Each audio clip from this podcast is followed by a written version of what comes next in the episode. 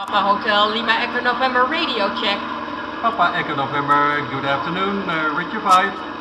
Good afternoon, read you 5 and 12, Papa Echo November.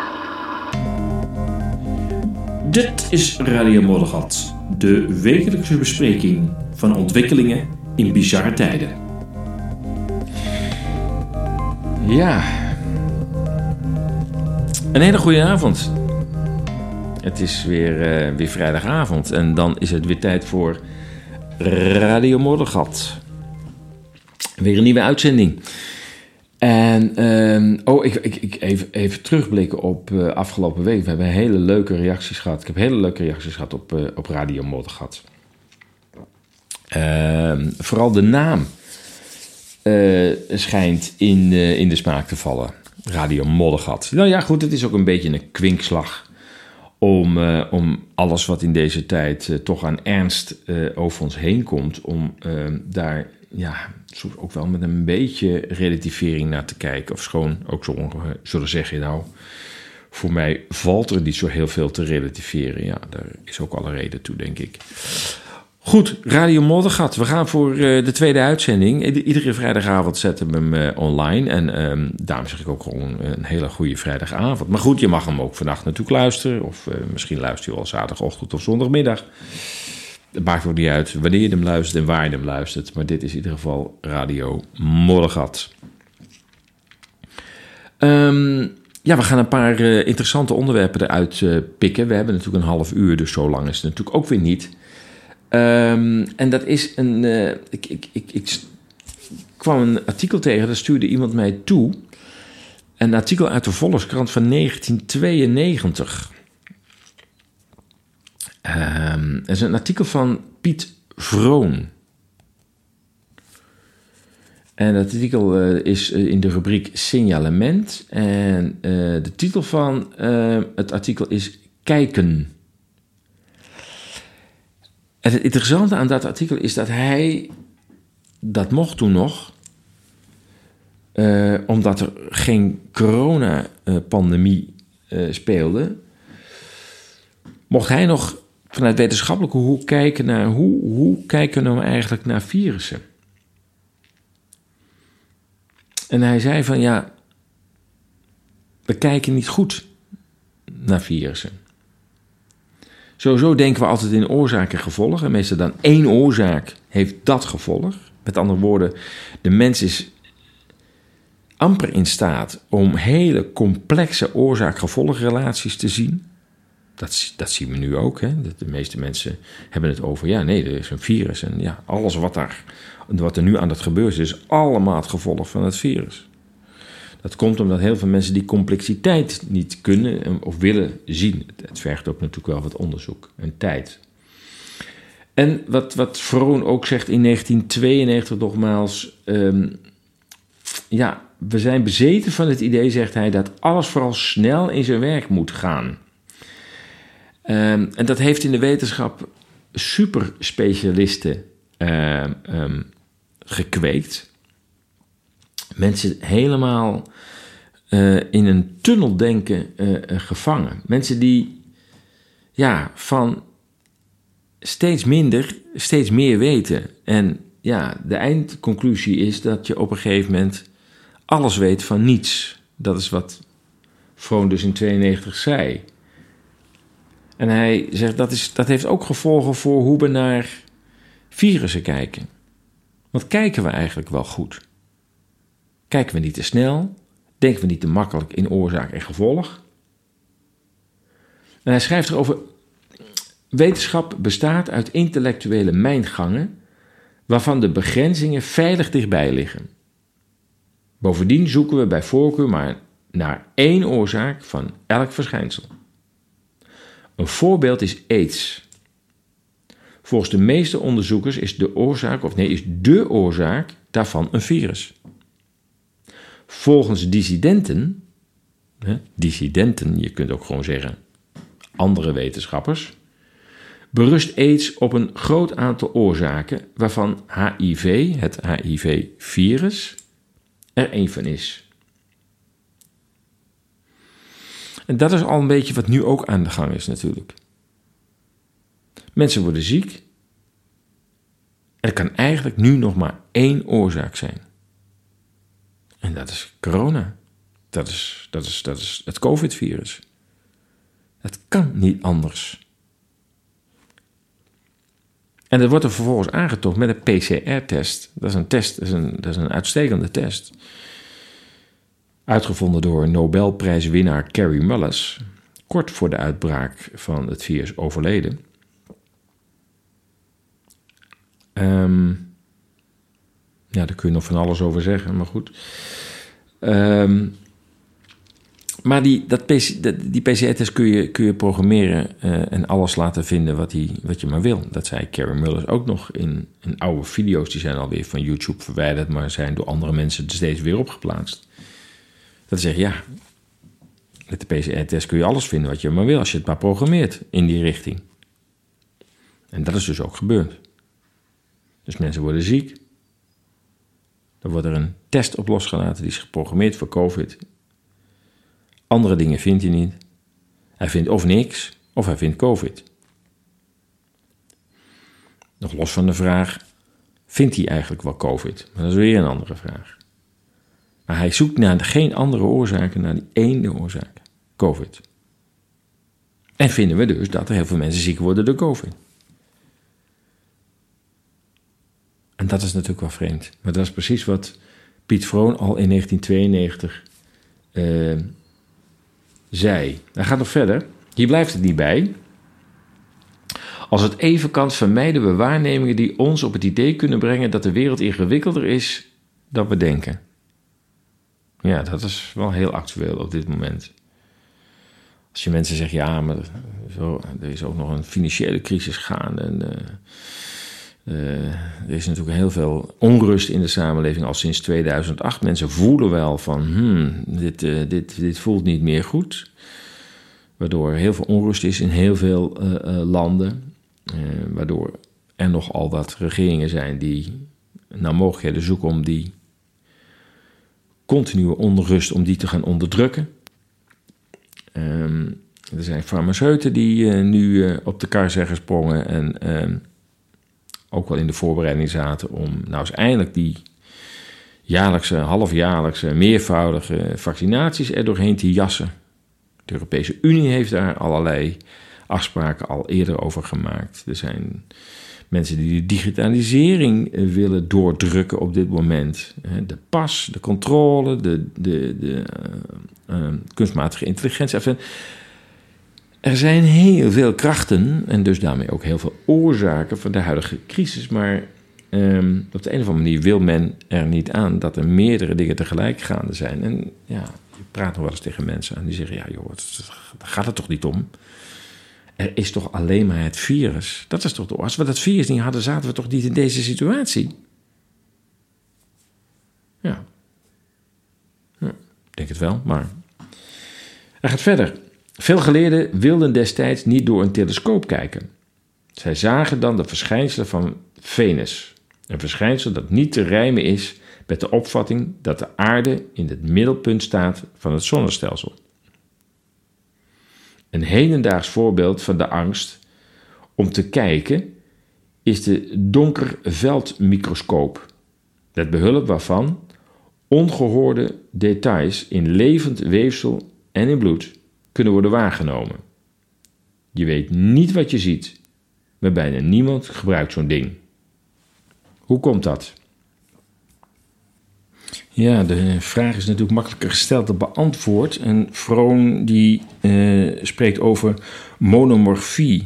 En uh, daarmee bedoelt hij dat micro-organismen naast elkaar bestaan en niet in elkaar kunnen evolueren. Dus virussen, bacteriën en schimmels zijn dan afzonderlijke soorten of uh, uh, structuren. En elk van hen is verantwoordelijk voor bepaalde ziekten. En hij zegt monomorfie past in het Darwinistisch denken. Het is ook een vorm van monocausaal denken, in de zin van oorzaak, één oorzaak en één gevolg. Of één oorzaak en meerdere gevolgen, maar altijd hele simpele uitleg van dit is de oorzaak, dit is het virus, dat is de ziekte. En eh, ja, hij, hij zegt eh, eh, eigenlijk moet je dat toch ehm, breder zien. Ehm, en dat noemt hij uh, pleiomorfie. En daarvan zegt hij dat is eigenlijk dat de, het, het denkbeeld dat micro-organismen in hoog tempo in elkaar kunnen evolueren. En hij zegt dat is zichtbaar met het donkerveldmicroscoop. En dan zie je dat er talloze micro-organismen zijn die op elkaar inwerken. Nou, dan komt er een wat medische uh, uh, uitleg uh, die wat moeilijk zo even verbaal over te brengen zijn. Ehm, maar het komt erop neer dat kenmerkend voor pleiomorfie is dus de stelling dat tal van kwalen ontstaan doordat organisme een aantal ziekteverwekkers zelf produceert. En dat is wat Béchamp ook steeds zegt. Virussen ontstaan in het lichaam zelf. Het, het, het zijn gevolgen van dat wat zich in het lichaam afspeelt. Dus eh, afbraak van cellen, die, en dat, dat kan gebeuren door nou ja, ouderdom, maar ook uh, door onbalans in het leven. Dat kan zijn een verstoring. Hè. Onbalans kan zijn een, een langdurige stress, waardoor cellen beginnen af te sterven. Of het kan zijn door, ja, door straling, door slecht eten, door nauwelijks uh, uh, rust, hè, dus slecht slapen of bijna niet slapen. Um, er zijn allerlei redenen die in het leven en de manier van leven zelf zitten, die uiteindelijk het lichaam uit balans brengen, dan schade veroorzaken in het lichaam en dan zeg maar virussen kunnen produceren. Dat is een wezenlijk andere kijk op virussen dan uh, dan Pasteur destijds had. En, en, en wij nog steeds accepteren als zijnde virussen is iets wat je lichaam produceert, maar daarbuiten kan brengen en dan ook weer over kan dragen op iemand anders. En met die virussen kan iemand anders dezelfde ziekte ontwikkelen als jij. Ja, dat is dus eigenlijk um, waarvan Vroon zegt, ja, dat, dat kun je ook heel anders bekijken. En hij eindigt met, er zit veel meer uh, fundamentalisme en theologie in de wetenschap dan u denkt. Ja, ik geloof. Uh, ja, het artikel is dan weliswaar uit 1992, maar jeetje joh, hoe actueel is dat wel niet? Zouden we niet dit soort discussies moeten kunnen voeren? Waarom voeren we dit soort discussies niet? Daar is nooit door de BBC onderzoek naar gedaan zelf. Nee. Vonden ze niet zo nee, heel was, erg... Nee, ze zeggen het was een hectische dag. Dat vonden ze geen journalistieke vraag. Nee. Om uit te zoeken hoe Reuters deze informatie had voordat het gebeurde. Ja, terwijl er helemaal geen aanleiding voor was. Er was ah, geen vliegtuig is toch ingevlogen. bizar. Ja, en het was een nieuw gebouw, hè, uit 1987. Maar je kan toch niet voorspellen dat specifiek dat gebouw gaat instorten? Er stond van alles omheen. Ja. Dat is toch een bewijs dat er voorkennis was? En de manier waarop het ingestort is. het is allemaal smoking gun. Van dit klopt voor geen meter. Ja.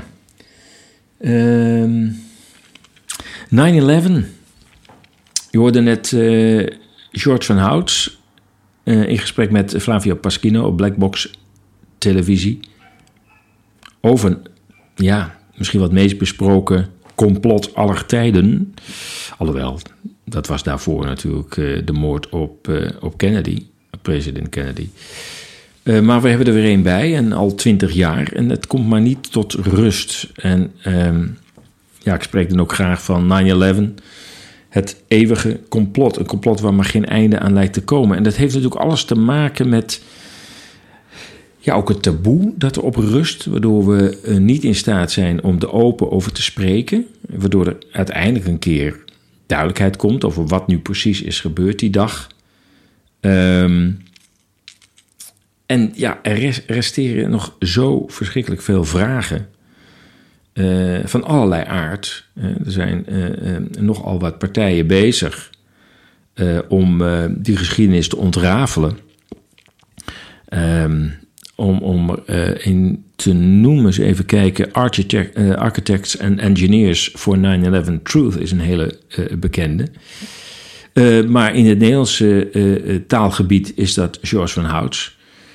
Um, en die stelt terecht in twee theatershows, maar ook in dit interview met, uh, met Blackbox uh, televisie, dat um, er nog zoveel open vragen zijn. Um, die zo voor de hand liggen dat je zegt, ja, daar moet wel een keer een antwoord op komen. Maar die antwoorden komen niet. En als ze komen, dan, dan, ja, dan weet je dat die antwoorden ook weer niet kunnen kloppen met dat wat waargenomen is. En zoals het met uh, uh, goede complotten gaat, dat wat waargenomen is, dat, dat is ook weer ter discussie natuurlijk. Hè. Er zijn mensen die zeggen, we zijn helemaal geen vliegtuigen geweest. En anderen zeggen, ja, dat is natuurlijk onzin. Er moet iets in, de, in die gebouwen hebben gevlogen. Nou ja, kortom, um, nogmaals, we gaan het hier niet oplossen. Maar um, wat wel belangrijk is, is dat, dat bij veel mensen het woord 9-11 um, uh, iets, iets, iets triggert. Zo van, ja, daar, daar hebben we het gewoon niet over. Um, en dat vind ik eigenlijk nog het meest fascinerend. Um, dat er blijkbaar zo'n zwaar taboe op is gelegd... dat op het moment dat je alleen al het woord 9-11 laat vallen... dat bij veel mensen de luiken dichtgaan. En dat is, dat, is, dat is heel treurig. Want dat betekent dat mensen dus blokkades opwerpen... om, ja, om, om meer te onderzoeken naar ja, toch zo'n belangrijk uh, event als 9-11.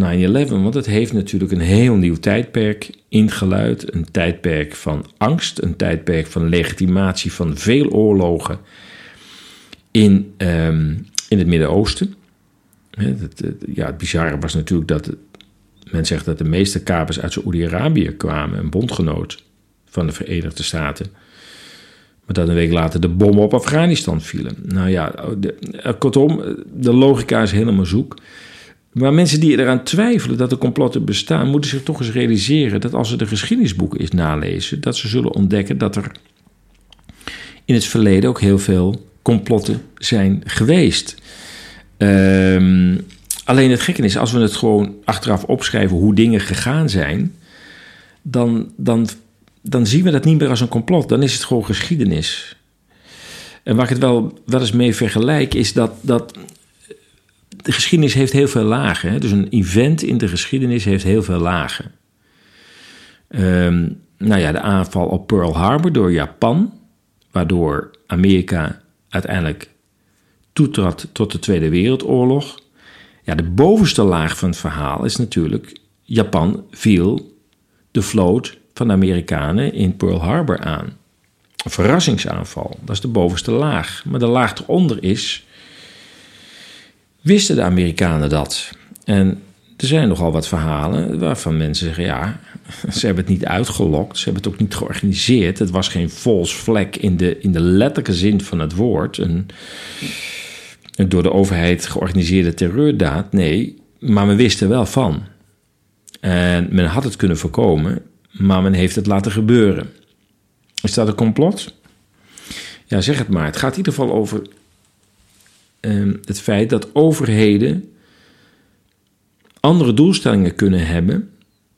Verborgen doelstellingen, verborgen agenda's dus. Um, ja, waarvan je als gewone burger denkt van ja, dat, dat kan onze overheid toch niet bedoeld hebben. Maar vaak zijn er ook doelen die boven het gemiddelde burgerbelang uitgaan. De Verenigde Staten zocht een mogelijkheid om in te treden in de Tweede Wereldoorlog, daar waar de burgers er helemaal geen zin in hadden.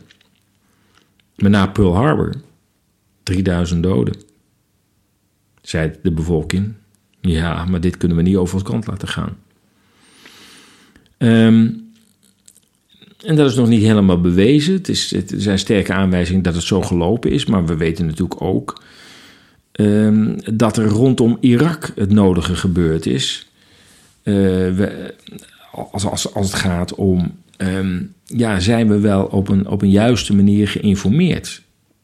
Kun je er wel op vertrouwen dat de informatie die de staat geeft en de media, ja, soms kritiekloos doorkopiëren, of dat altijd juist is, kun je er van op aan. En nou ja, we hebben wel gezien dat als het gaat om um, bijvoorbeeld Irak, dat is gewoon bewezen en dat is ook toegegeven. Maar als je dat kort daarna had gezegd, had iedereen gezegd: Oh, dan heb je weer zo'n complot. Maar het is nou allemaal bewezen, het is ook allemaal toegegeven. Um, als het gaat bijvoorbeeld om de inval in, uh, in uh, Irak de eerste golfoorlog, uh, uh, zou je kunnen zeggen. Ik ben even het jaartal uh, kwijt. Um, daarbij ging het verhaal, hè, de Saddam Hussein was Kuwait binnengevallen. Nou, ik kan me voorstellen dat je daar wel een reactie op wil geven. Maar blijkelijk waren ook daar de Amerikaanse burgers niet zo heel erg blij mee om daar in het Wespennest actief te worden. En toen moest er toch een verhaal gemaakt worden, waardoor mensen zo verontwaardigd zouden zijn. Dat mensen zouden zeggen, ja, dat de burgers van Amerika zouden zeggen, ja, doe dan toch maar. En dat verhaal werd geleverd door het PR-bureau Hill en uh, Knowlton, um, die uh, um, ja, zijn hand er niet voor omdraait om dat verhaal even te schrijven. En ze hebben ook een verhaal geschreven. En het verhaal luidde dat er uh, baby's uit de couveuses werden gegooid in, uh, in Kuwait door soldaten van het leger van Saddam Hussein van Irak. En daar uh, voerden ze een, uh, een verklaring op van een, van een meisje dat, dat huilend verklaarde uh, wat er in die ziekenhuizen gebeurde. The second week after invasion, I volunteered, volunteered at the Al Adan Hospital with 12 other women who wanted to help as well. I was the youngest volunteer. The other women were from 20 to 30 years old. While I was there, I saw the Iraqi soldiers come into the hospital with guns. They took the babies out of the incubators, took the incubators, and left the children to die on the cold floor. Ja, als je dat verhaal uh, aanhoort, dan uh, kun je uh, het niet met droge ogen aanhoren. Tenzij um, je achteraf dan weer hoort dat dit allemaal in scène is gezet. En het script is geschreven nogmaals door dat PR-bureau. Uh, Hill en Knowlton heeft overigens ook een Nederlandse uh, vestiging.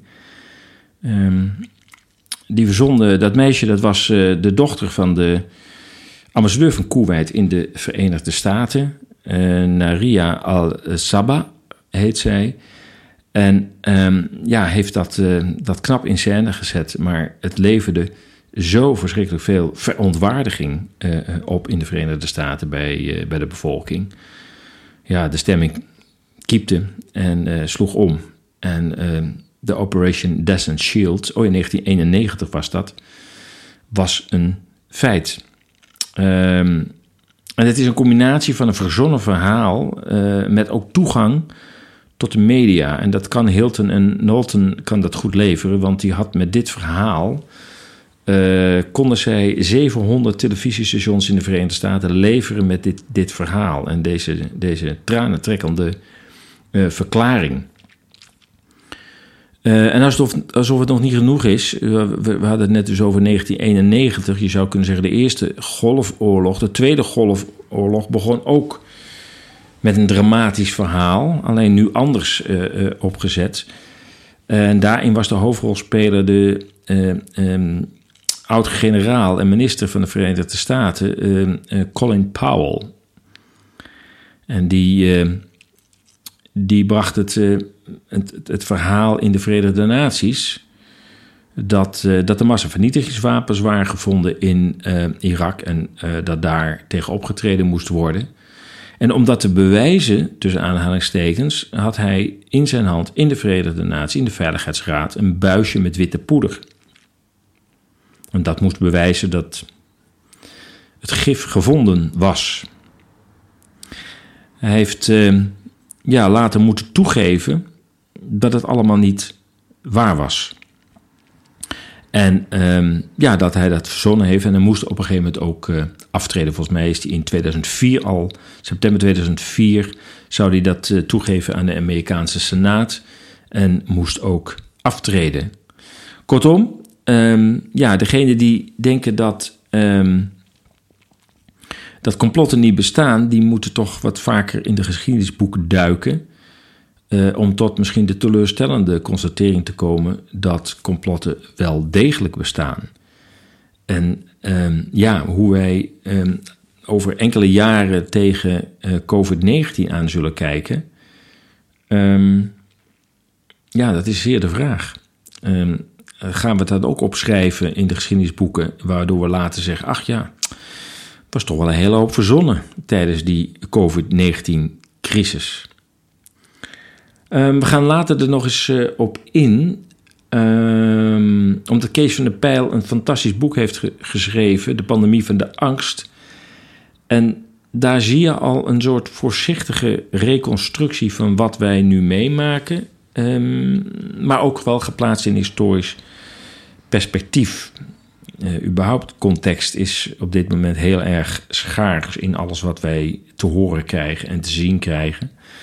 Ehm, en dat doet eh, eh, Kees van der Pijl uitstekend in zijn boek. En daar komen, daar komen we in een latere uh, radiomoddergat op terug.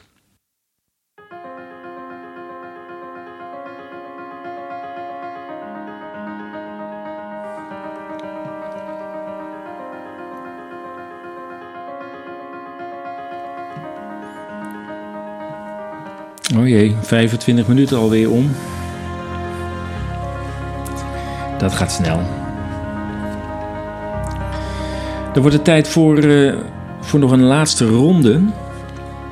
Nog het laatste thema. Wat gaat het toch snel? Een half uur moet ik zeggen. Het is. Um... Maar goed, het is zo. Um... Nog vijf minuutjes, kleine vijf minuutjes. Um, op onze website, op de website staat ook een artikel, eigenlijk een, een, een, een brief van Bart Maas, advocaat. Ik dacht uh, in Rotterdam. En die, uh, die heeft aangegeven ja, dat, dat het hem heel erg hoog zit wat er tijdens de persconferentie uh, afgelopen week is gezegd. Onder de mom versoepelingen. Alle maatregelen van de baan maar we voeren wel de COVID-pas in. Een COVID-pas die al in 2019 door Nederland was besteld. Dus ja, het overvalt ons niet echt. Althans, in ieder geval niet de overheid. En um, uh, ja, ik, ik, zag dat uh, Bart Maas Advocaten uh, een behoorlijk groot kantoor is. Met niet van 15 of meer advocaten. Ja, dan, dan dan zet je wel wat op het spel als je je zo duidelijk uitspreekt. Hij zei op LinkedIn onder andere. Per 25 september verdwijnt de anderhalf meter samenleving en daar staat de invoering van de coronapas tegenover. Wie toegang wil krijgen tot horeca, sportwedstrijden, concert of theater moet kunnen laten zien dat hij gevaccineerd, hersteld of negatief getest is. Laat dat even inzinken. Voor het eerst in mijn leven word ik, en velen met mij, waaronder mijn gezin, actief gediscrimineerd door diezelfde overheid aan wie we jaarlijks, mede namens onze medewerkers, ettelijke tonnen aan directe en indirecte belastingen en premies overmaken. Ik ben oprecht geschokt.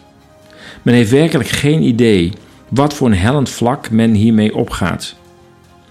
En dan laat ik de historische vergelijking nog maar even voor wat ze zijn. Ik sla even een stukje over. Hij zegt op zijn LinkedIn-account, LinkedIn-account ook...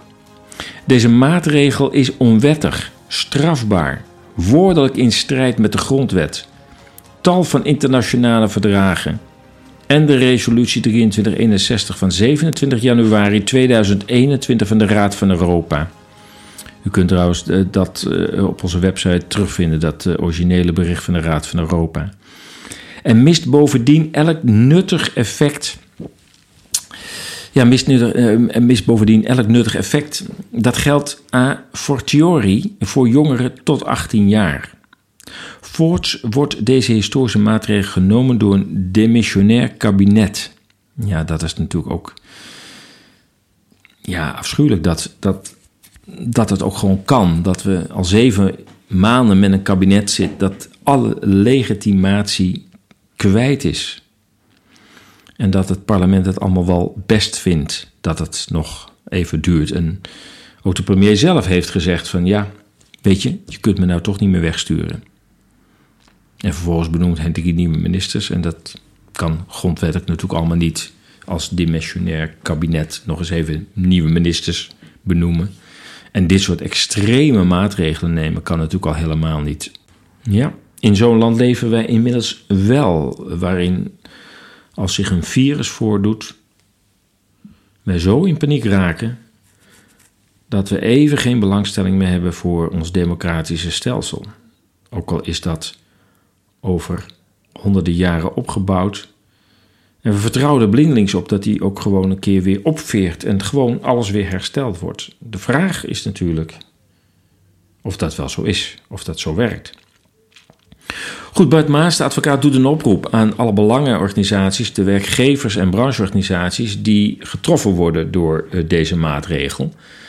Uh, want ja, denk maar dat uh, als 2 miljoen mensen, als dat getal klopt, nog niet gevaccineerd zijn. En dat zijn waarschijnlijk ook de mensen die dat niet snel meer zullen doen. Zeker niet nu ze zo schaamteloos onder druk gezet worden. Ja, die mensen hebben ook nog relaties, misschien partners, vrienden. Ja, de vraag is of die ook op een gegeven moment niet afhaken in die horeca. Dat ze zeggen, ja, ik wil met jou graag naar dat café of naar, dat schouw, naar die schouwburg of naar het museum. Ja, en als jij niet kan, dan ga ik ook niet. Dus het kan best eens kunnen zijn dat het niet 2 miljoen mensen zijn, maar dat 4 miljoen potentiële klanten de komende tijd gaan afhaken. Dus dan praten we weer over een sanering van de sector horeca en cultuur. En de steun die gaat eraf. Dus dat wordt wel een kaalslag, denk ik. Maar goed, hij zegt: uh, ik doe een oproep aan die organisaties als ze getroffen worden om met mij contact op te nemen.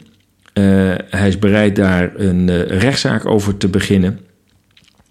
Hij zegt daarbij, citaat, ik, dit is de eerste keer dat ik zo'n publieke oproep doe, want het is niet onze stijl. En ik hoop oprecht dat het ook de laatste keer zal zijn. Einde citaat. Het is heel moedig, nogmaals, voor een, gerenommeerd advocatenkantoor met zoveel belangen en zoveel grote klanten waarschijnlijk om de nek uit te steken. Hij schrijft ook, op zijn uh, LinkedIn-pagina van... nou, je hoeft niet te reageren als je het niet mee eens bent... want ik, gooi het er toch af. Dat commentaar, uh, dit is waar ik voor sta. Dat is wel de moed die we op dit moment nodig hebben. Enfin, hij zegt, belangstellenden, kunnen zich melden via uh, b.maas... maaslaw.nl. Maaslaw is geschreven M-A-E-S law.nl. B.maas, en maas is M-A-E-S, apenstaatje M-A-E-S-L-A-W.nl. Of gewoon even bellen. Ook moedig. Op 085 9021 270. Ik herhaal 085 9021 270. Ja, het laatste wat ik nog even wil melden, want we zijn al door de tijd heen, is eh, dat er natuurlijk ook nog de website is keuzevrij bij mij. Daar staan inmiddels eh, heel veel ondernemers op in allerlei sectoren uh, die zich hebben gemeld. Ik zie de sector advies en consultancy, diensten, kunst, muziek, cultuur, sport, hobby, verzorging, wellness, voeding, winkels en handel. Uh, kortom, ga naar keuzevrijbijmij.nl en daar staan de uh, vele ondernemers op die u, gevaccineerd of niet, gewoon welkom blijven heten. Het zit er weer op. We zijn eigenlijk al uh, over de tijd heen. Hè? We hadden afgesproken een half uur. En we zitten toch al uh, op uh, 33 minuten.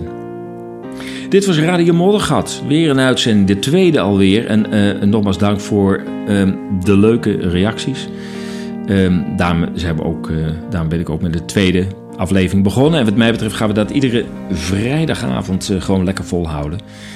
Um, ja, als, als je iets over deze tijd wilt, uh, kwijt wilt aan, aan, aan ons publiek, uh, ja, laat het dan even weten via e-mail. Maak het niet te lang, want dan, ja, dan kan ik hem ook niet voorlezen. Ik bedoel, een heel epistel van een A4'tje, dat, dat gaat niet lukken. Maar een e-mail van zeg tien regels, waarin je even de kern weergeeft van ja, waar je mee bezig bent. Um, ja, natuurlijk kun je vertellen over wat je met deze tijd beleeft. Maar we zijn ook wel, ik ben ook wel erg nieuwsgierig naar uh, wat je nu in deze tijd doet. En, en, en heb je plannen om, om een bepaald initiatief te nemen, om dingen beter te maken, aangenamer, leuker te maken.